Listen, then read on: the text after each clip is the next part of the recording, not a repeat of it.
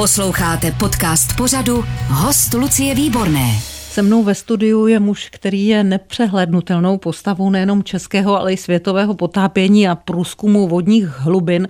Nebýt ponorky Gio, na jejíž konstrukci a provozu se podílel, možná by nebyla znovu objevena legendární Latimérie podivná. Inženýr Pavel Gross, vynálezce Aquanaut, tak tě tady vítám ve studiu. Pěkný den. Děkuju. Pěkný den. Pavle, vy máte dneska premiéru, protože srdcaři o tobě čtyři roky natáčeli film dokumentární. Já jsem ho viděla, myslím, že se povedl, těšilo mě to, ale ty jsi ho neviděl. To je ti úplně jedno, no, co o tvém životě já, já, vypráví parta dobrodruhů. já ho neviděl a sice e, ta věc vznikla takhle. Někdy během natáčení těch čtyř let se mě ptal Mirek Náplava, který tedy je režisérem, eh, jestli tedy bych kousek toho filmu nebo celý film chtěl vidět. A nějak jsme ještě o to zamluvili a pak přišla řeč na to, že dělali něco podobného, to jsem i věděl, s panem Miroslavem Zikmundem. A že taky tahle otázka tehdy padla, jestli to pan Zikmund chce vidět. A on říkal něco v tom smyslu, já u toho nebyl, Eh, hoši, udělejte si to, jak chcete, a eh, až bude premiér, však já to uvidím. Tak jsem si říkal, Ježíš Maria, to je rozumný člověk, tak já to udělám taky tak. já budu citovat, jo. Voda v hlavě, genetická porucha, kterou máme v rodině. Můžeš to nějak vysvětlit? No tak to je genetická porucha úplně jasná.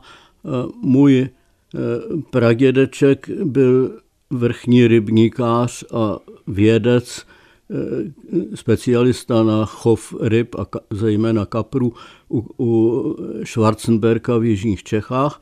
To byl pán všeho toho vodstva tam. A ten můj pradědeček eh, dělal vědecký výzkum výživy kapra a měl na zámku v Třeboni měl obrovský systém akvárií, kde pěstoval kapry, dával jim papat různé věci a zkoumal, co jim nejlíp chutná a, a, a psal o tom tedy vědecké knihy a tam byly i potom diagramy výnosu a takový, tak vyloženě na vědecké bázi. No a já jsem Eh, jako pravděpodobně zdědil tu vodu v hlavě od něj a od svého otce samozřejmě taky. A eh, vždycky mi napadala ta myšlenka, jsem si říkal, Ježíš Maria, to, že to bylo vlastně eh, koncem 18. století, v začátek 19. Krista pána, kdyby ten můj pradědeček tehda byl už ovládal tu potápěcí techniku, ten by určitě doma neměl akvária, ten by se potápěl rovnou v rybníku svět a s těma kaprama. A to je úplně logický, to by tak zřejmě i tak bylo. Asi bylo, no. no. Říká Pavel Gross, vynálezce Aquanaut, stál u počátku přístrojového potápění v tehdejším Československu a v podstatě i ve světě. Já jsem se, Pavle, s tebou nikdy nebavila o tom, jaké to bylo, když si poprvé viděl moře. No, to je zajímavá otázka. Prostě... Co to udělalo? To byl emocionální šok. Já jsem to moře v životě neviděl a už, už jsem toho hory přečet Verneovky a takhle, ale to samozřejmě to se pak odehrává jenom v pamě, v mozku a to dítě už, já to čet jako dítě, to si představuje to moře úplně jinak, že jo. A teď, když já jsem přijel poprvé do té Dalmácie, tak na, zaprvé na mě začalo dejchat ten jodový mořský vzduch a to byl zážitek. Hmm. A potopit se poprvé do moře, je to jiné, než se potápět v Římě? Jo, jo, to bylo úplně něco jiného, to prostě, to je emocionální šok. A já jsem věděl od té doby, tady jsem doma. E, já mám u ruky ještě knížku Hlubiny a posedlosti, kde když se dívám na to, jak jste začínali právě v Říměždicích s přístrojovým potápěním a co všechno jste měli na sobě, zejména počet těch nejrůznějších hadic a hadiček tak no, jako no. podivně pospojovaných, tak mi přijde zvláštní, že tady spolu ještě sedím s 83-letým průkopníkem potápění. Jak to, že jste to přežili všechno? Proč mě, proč mě ubíráš věk? Já už budu tenhle rok 84. no dobře. Ale eh, jak, jo, jak, jak je možné, že jste tohle všechno přežili? No tak to považuji za malý zázrak. Já tedy určitě nepatřím mezi typ těch, jak se říká, anglicky adrenalin junkie, to jsou ty závislá, jak se tomu Závisláci říká? na adrenalinu. Na, na adrenalinu. Já jsem spíš byl takový nešťastný hybrid. Já jsem eh, byl spíš založením jsem romantik a takový nenapravitelný romantik. A, a, S mozkem konstruktéra teda. No tak on, ono i to konstruktérství může mít romantickou žílu, mm-hmm. to si asi nekonstruktor nedovede představit, protože si myslí, konstruktor jenom pracuje se šroubama a pro mě jsou ty šrouby živý. To je prostě úplně jiný pojetí. Jo. A já jsem vzhledem ke svý romantický žíle vždycky si vymyslel buď nějaký projekt nebo nějakou eh, blbost, já to nechci říkat ještě s prostým českým slovem. A eh, to se člověk zakousne do toho tématu a fascinuje mu, to, to krouží mu to pořád v hlavě a, a už nemůže cuknout a ví, že se to tedy musí udělat a zasta, přestane vůbec přemýšlet, aspoň já vždycky přestanu přemýšlet o možných důsledcích toho svého počínání. A ty prostě vytěsním, protože se mi nehodějí v tom okamžiku. Mm-hmm. Já jsem happy, že mám tu ideu a ta bude a žiju v nádherném světě představ, samozřejmě falešných, protože když potom se to stane, tak, tak se začnou projevovat všechny ty životní zádrhely, které nás provázejí všechny. No a, a, a pak dojde k takzvanému dobrodružství, protože pak se začnou třeba topit, dusit a, a podobně, protože jsem všechno nedomyslel do konce. No, je fakt, že mohu hrdě říci, že tady sedím s vynálezcem, který si na sobě vyzkoušel všechny svoje To je úžasný rajc. Já bych doporučil všem konstruktérům, aby ty stroje zkoušeli napřed na sobě. Pak by, byly, pak by nepadaly mosty tak rychle a, a takhle. Člověk převezme jakoby víc zodpovědnosti, když si to zkusí na sobě.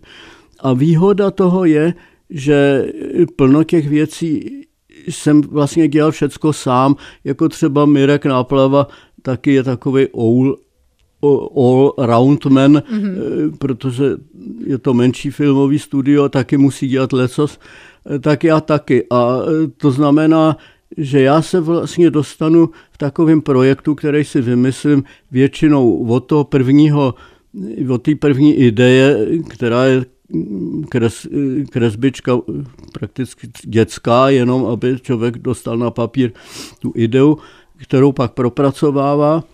No a e, potom se dostane do té fáze toho prototypu, postavit to a, a, a pak jde zkoušet. Že jo. Takže já, já prodělám všechny ty fáze, které jsou u velkých podniků děleny. Tam existují e, ty, který to vymýšlejí, pak ty konstruktéři a potom jsou tam třeba tomu zkušební potápěči, když mluvíme piloti, o tom potápění. No já jsem byl všecko vždycky. takže, takže já jsem si vylízal všechny své chyby a zádrhely sám. A to člověku ale taky přispěje ke zkušenostem. Pak už si říká, sakra, tuhle věc bych měl víc promyslet, protože ta by mohla vést k těm a těm zádrhelům. Takže to je jako výhoda. Nevýhoda je, že hold všecko jde pomalu, protože já nemám pak na to samý, e, co má já, já velká firma, plno lidí a pak to jde rychleji samozřejmě, tak to já musím všechno udělat a to trvá pak dlouho. Příběh prvního československého akvanauta, vynálezce a konstruktéra ponorek Pavla Grosse se může jevit jako neuvěřitelný. Dneska má premiéru v kinech film s názvem Akvanaut. Pavel Gross je mým hostem. Kmotr Žil Verne, bratr kapitán Nemo, takhle nějak si představuju, Pavle, tvoji rodinu.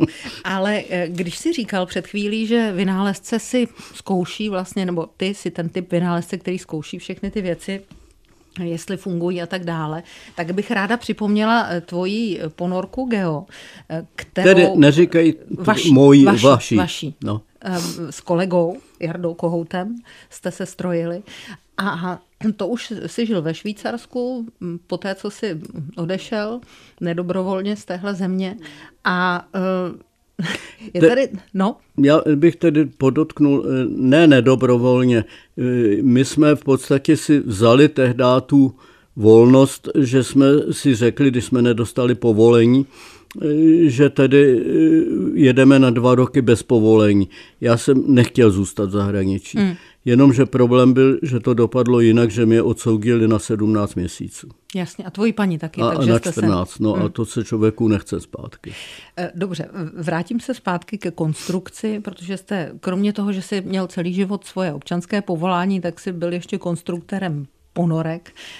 A vy jste udělali, sestrojili jste ponorku eh, Geo, eh, určenou vlastně pro výzkum. Je to ta ponorka, kterou vyfotili Latimery podivnou, ale když jste ji zkoušeli, tak eh, tam do ní prý nějakým způsobem zatékalo mm. a mhm. váš eh, zákazník, který ten, kdo si ji objednal, řekl podle knihy, to je jednoduché, vlezte tam a my vás spustíme tak hluboko, až voda začne stříkat, tedy aby zjistili, kde to jako... No, no. V životě bych tam nevlezla.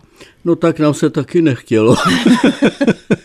Protože eh, ponorka, když se, tedy aspoň jak my jsme to dělali, ponorka se samozřejmě může zkoušet už jako kompletně vybavená, ale Často se to dělá tak, že se zkouší jenom tlakový těleso, to znamená, to je v podstatě tlakový kotel nebo nějaký těleso, který odoluje tomu tlaku. A to vůbec ještě není vybaven, to je jenom, tady jde při tom pokusu jenom o to, jestli vydrží ten tlak, na který je e, dimenzované to, to těleso. No a takhle to taky bylo. My jsme v podstatě měli v podstatě jenom kotel, ten nebyl ani vevnitř vybavený, ani zvenku, ten neměl vůbec nic. No tak jsme ho pustili do Bodamského jezera, to jsme vždycky pouštěli na laně, to byla velká akce vždycky, do těch 250 metrů. No a my jsme to praktikovali tak, že jsme předpustili vždycky ten, to tlakový těleso do takových 50 metrů, vytahli jsme ho, koukli jsme, jestli opravdu není jenom netěsn, aby jsme nedělali zbytečný pokus. Když to bylo suchý, tak jsme to pak pustili na tu hloubku testovací. No a po tom prvním ponoru to vytáhneme a vidíme, už je zle, protože nahoře je ta plexi skleněná půlkou, půlkoule a ta byla úplně posprejovaná vodou, protože pod tím tlakem to všecko stříká jako sprej, jako když stříkáte ovoce tím eh, nějakým vodním sprejem, prostě. vodním sprejem nebo takhle. No tak eh, se ukázalo, že někudy tam stříká voda, bylo tam pár kýblů vody, nakonec, než se to vytáhne, ono se to sejde, ta voda. No a teď, ale kde to bylo, že jo? protože tam je obrovský ne, neříkám obrovský, ale dostatečné množství různých průchodek, těsnin okroužkama a takhle. A který z nich to byl? No tak právě eh, tady nastala ta eh, otázka, jak to tedy zjistit, no tak nás tam zavřeli, nám se tam taky moc nechtělo, protože tam nebylo ani osvětlení, ani nic k dejchání. A měli jste aspoň kyslík třeba, abyste si Ne, přidý... ne, jenom, jenom ten vzduch, který v tom kotli byl. Super. A bez, bez světla, tak jsme si dovř, vzali dovnitř baterku, pro útěchu jsme si vzali dva dejchací přístroje, kdyby jsme to museli opustit, což tedy je věc už a priori smrtelná většinou, Teď protože to, chtěla říct. to, no, to, to, no, je to taková útěcha. No. no a uh, oni nás tam tedy zašroubovali a pustili nás na láně dolů a protože ta ponorka se sama nemůže vynořit a to tlakový těleso samo o sobě ještě ponorka není a je těžký, No tak je to jako balvan železa, v tom jsou zavřený dva lidi ve tmě a, a oni tě, tě spouštějí pak dolů tím jeřábem z lodi. No a e, jako je tam tak plexisklená půlkoule, takže z, na, z začátku je takový nazelenalý světlo, že jo, to pak mizí a najednou je černo a furt to jde dolů a dolů. No a jak e, Bodamský jezero už jako dost veliký a tehdy bylo poměrně značný vlnobytí, tak to znamená, že ta loď sebou hází, už ta i s tím jeřábem, přestože byla dost veliká, No a to házení se projevuje na tom tělese, kde sedí ty dva nešťastníci dole, tím, že to trhá. To, to s náma házelo... Že tam lítáš. Tam lítáš prostě. jako čamrda. No a, no a to si člověk říká, Ježíš Maria, snad to to lano vydrží, protože čert nikdy nespí, že jo.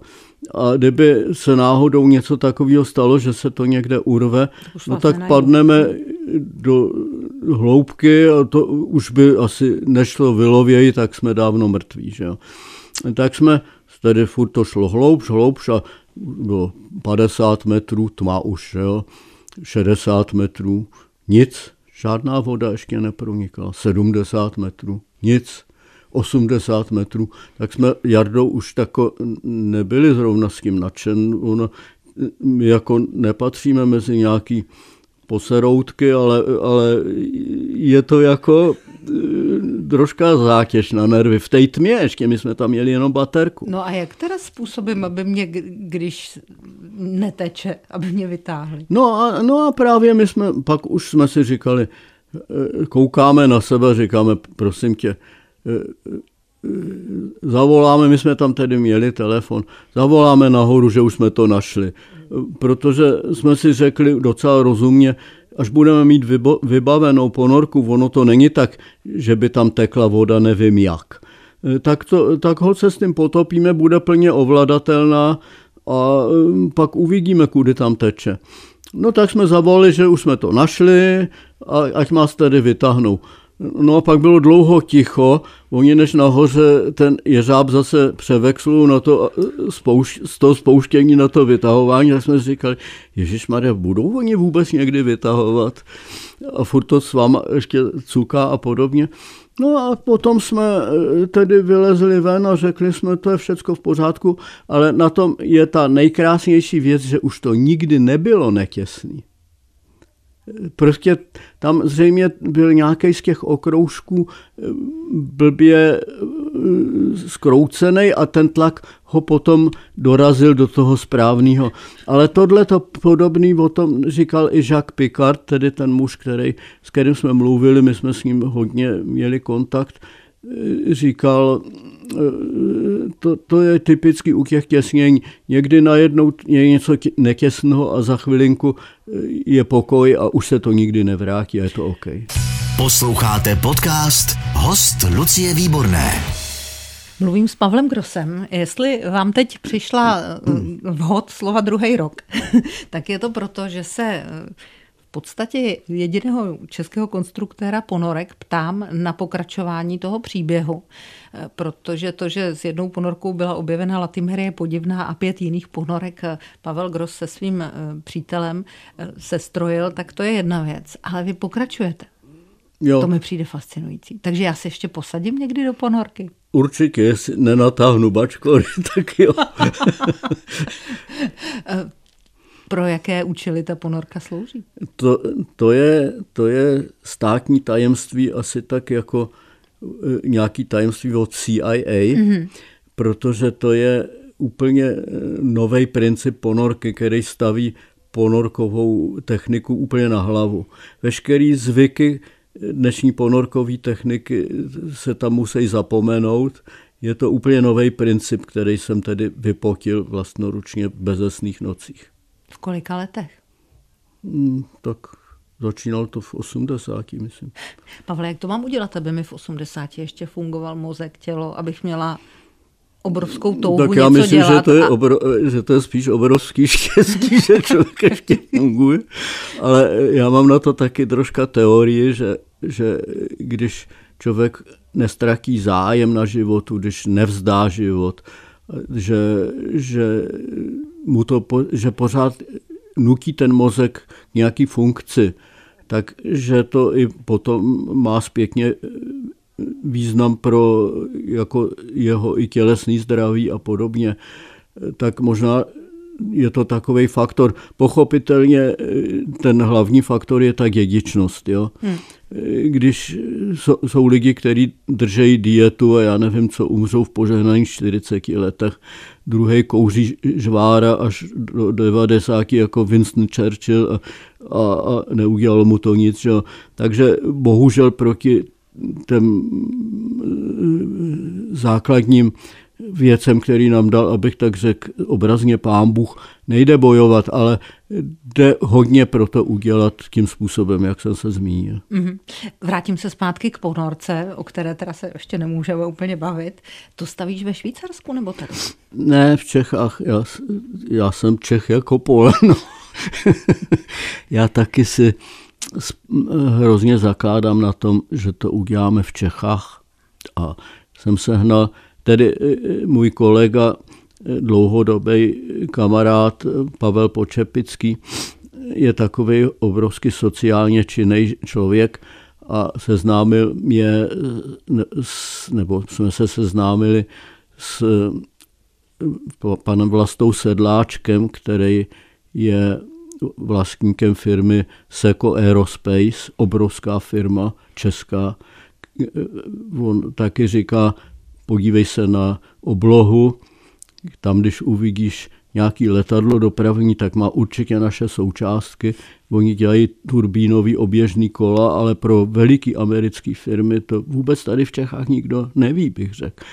No a ten nás vzal troška pod křídlo a děláme tak nějaký prototyp no, úplně no, nového dýchacího přístroje a já jich mám ještě v zásobě několik, takže doufám, že ho budu zásobit dokud nenatáhnu bačkory. Ještě tak 20 let.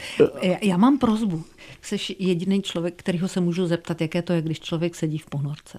Ani... No tak je to návykový. Je jo. to návykový. No, já, já jako, abych pravdu řekl, já nebyl nejlepší na tohleto. Na to ježdění v ponorce samotný byl lepší Jarda Kohout to je taková, jak bych řekl, já spíš byl ten romantik. Který to jako jen tak mimochodem pomohl skonstruovat. Jo, jo no tak prostě člověk to... Ne, mě jde jenom o ten pocit. Prostě, když ten pocit je, ten, klesá, ten, ten první pocit, ten první pocit je jako, když eh, se člověk posadí do akvária, který je prázdný a začne napouštět byt vodou. Mm-hmm. Jo?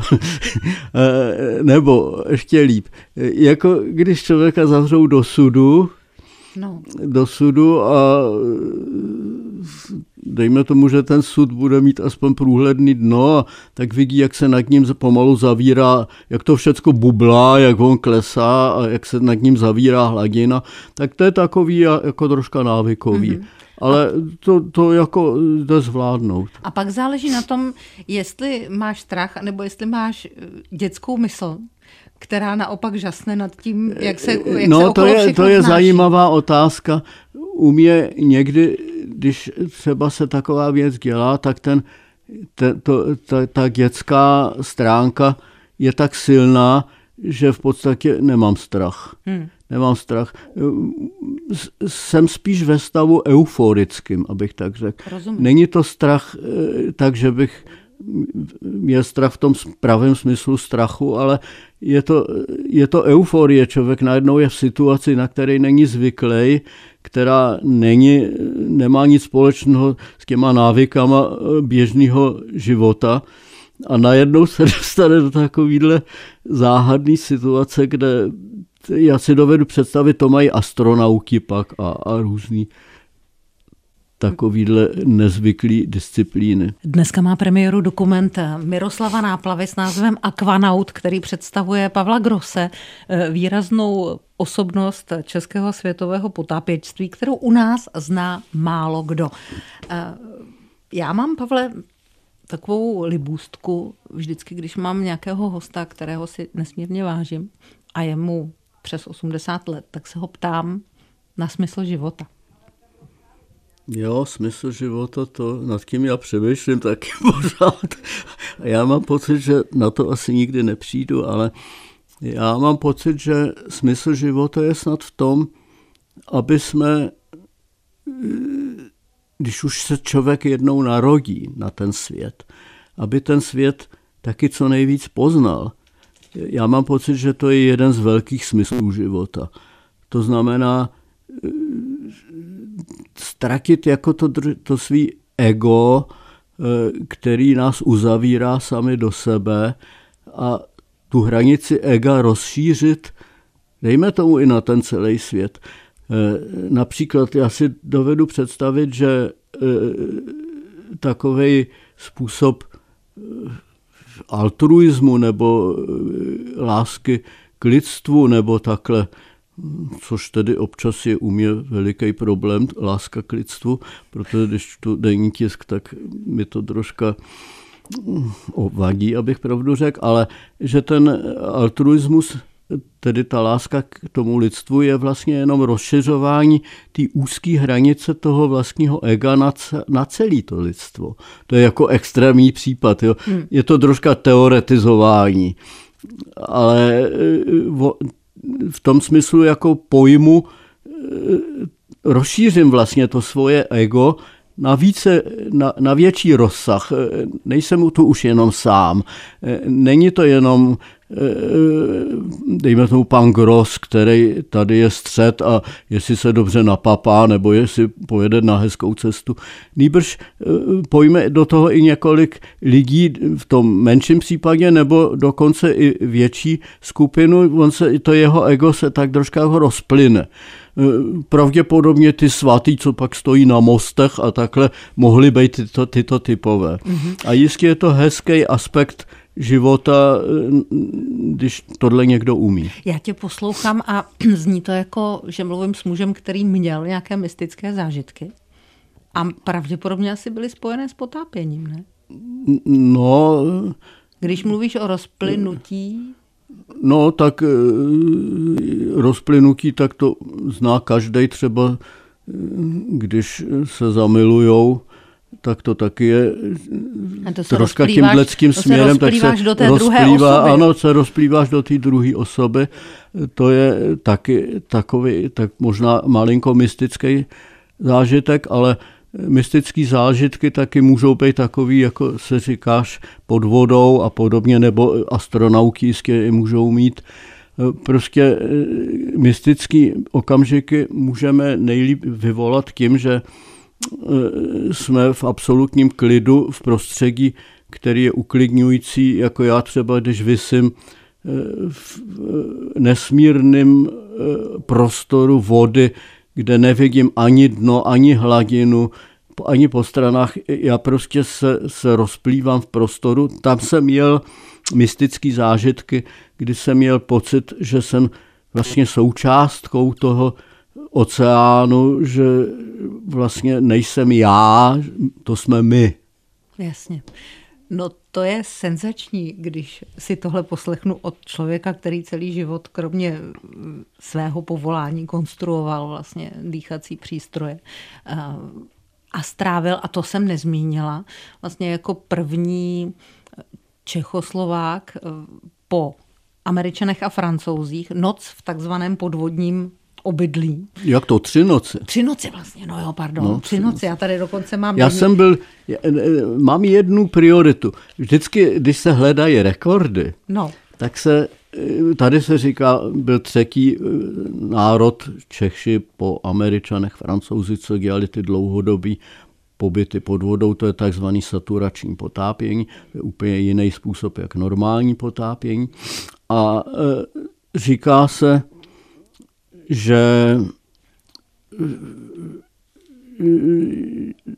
jsme tady byli třetí a já mám ještě jednu prioritu, ještě jeden jako takový osobní rekord a sice ten první akvanát na, svě, na světě, to byl Robert Stenuit, američan. ten byl sice hloubš, ale v té hloubce byl jenom 24 hodin. A ten zbytek té dekomprese, to znamená, on byl pořád jako v tom tlaku, ale to už si strávil na palubě v komoře. Mm-hmm. Ale já jsem byl po něm druhý člověk, který byl pod vodou sám a sice tři dny a tam byl díl, ne, čili já jsem byl vlastně, já se nechci chlubit, ale je to sranda, já jsem byl první člověk na světě, který byl pod vodou sám tři, ho, tři dny. A rozhodně první člověk na světě, který pod vodou jedl plněné papriky. no tak já toho sněd víc. Zajímavé je, že pod tou vodou jako člověk troška ztrácí chuť. No, Oni ty, ty buňky chuťový na jazyku tam fungují troška jinak, protože to zřejmě souvisí taky se složením vzduchu a podobně když je vzduch pod tlakem, tak to funguje jinak a já tam jako eh, troška ztrácel chuť, jako kdybych měl covid, jo. no a tři dny to byl slušný výsledek. První byli američané, druhý byl Jacques Cousteau s prekontinentem, když se bavíme ano, o těch podvodních ano, obydlích. Mhm. a třetí teda Pavel Gross. Jo, jo, no tak eh, oni vždycky byla skupina, že jo, byla skupina Američanů. Ne, první byl ten Robert Stanley, ten, ten byl sám. Mm-hmm. Pak eh, přišel ten Cousteau, tam už byli dva. A eh, potom byl ještě pro prekontinent dvě a pak byl pan Gross tedy, mm-hmm. no. Jenomže o mě nikdo nevěděl, protože já jednak jsem měl pidi při, při, příbytek, já jsem byl první podmořský tramp vlastně. Já jsem stanoval pod vodou. Ne, tak, takhle, nebyl to stan, já jsem Xenii viděla. Ne, jako není taková, to stan samozřejmě, no. Jak bych to popsala, je to taková vypouklina. Je to, je to takový eh, ocucoid, eh, no, ta, ten tvar té Xenie, ten, ten vlastně mi umožnil, aby se to vůbec stalo. Protože já jsem přemýšlel, jak ty miliardové položky, které jsou nutné na takovýhle projekt a ty jeřáby a ty tunový zařízení k tomu, co jsou třeba, jak to udělat doma jako študák z kuchyňských peněz, mý maminky, která, nebo táty, který mi na to přidali. Pardon, a je pravda, a, že jsi si jel s dvoukolákem pro plechy Krotovi? No samozřejmě. E, já jsem jako študák, mě pomohli tedy potom rektor já jsem ještě studoval tehdy na Karláku, na ČVUT. technice, na hm. ČVUT a e, rektor jako tý ČVUT mě pomohl s tím, že mi poskytnul dílny potom. Ale ty první začátky byly skutečně tak, že jsem na káře vozil plechy do Polské ulice číslo 30 a tam jsem je orýsovával a pak jsem je zase vez do nějaký dílny na káře do kol, u kolbenky, kde mi to zvohejbali a pak jsem zase na káře jel na Karlák do eh, dílen eh, ČVUT, kde mi to vařili a kde mi různě ještě pomáhali s různýma věcma. Ty mi taky hodně pomohli. No a potom nakonec při konečné realizaci mi eh, pomohli velkoryse jednak pražský potápěči, to byl jejich takový guru, byl Josef Mergel, a ty potom mi spojili, nebo ty byly ve spojení s oceánografama jugoslávskýma, ty s kým byli nadšen, tak prostě slovo dalo slovo a a, a stalo se to poměrně velkoryse, pak nám pomáhala i e, jugoslávská marína, tedy e, námořnictvo. Tak to potom se rozjelo ve velkém. Kdybyste chtěli si užít celý příběh, nebo ne celý, ale aspoň nějaké fragmenty eh, ze života dnešního hosta radiožurnálu Pavla Grosse, tak eh, si vyhledejte v kinech film Aquanaut, dneska má premiéru, anebo eh, se snažte si obstarat knihu Hlubiny a posedlosti, kde se v podtitulu Praví podle pravdy sepsal a přílohami vypravil. To jsem napsal schválně tak troška, Pavel Gross tak, alias Mato. Jako po, sta, po starodávným způsobem podle pravdy sepsal, to jsem viděl jednou to byl ten řezbář, známe, já už nevím, jak se teď mi to zrovna, už mám stařecký výpadky, e, e, e, ten to taky napsal jako já to vyřezával a takhle, tak jsem si to vzal jako příklad. Vynálezce Aquanaut Pavel Gross dneska byl hostem radiožurnálu. Pavle, děkuji za návštěvu, děkuji za upřímnost a ať se ti daří. Děkuji a děkuji za pozvání a zdravím všecky. Lucie Výborná, Lucie Výborná od mikrofonu přeje dobrý den, ať se dneska daří i vám. Všechny rozhovory z hosty Lucie Výborné můžete slyšet na webu radiožurnál.cz v aplikaci Můj rozhlas i v dalších podcastových aplikacích nebo na YouTube kanálu Radiožurnálu. Partnerem tohoto pořadu jste vy, posluchači Českého rozhlasu. Už sto let vysíláme díky vám. Děkujeme.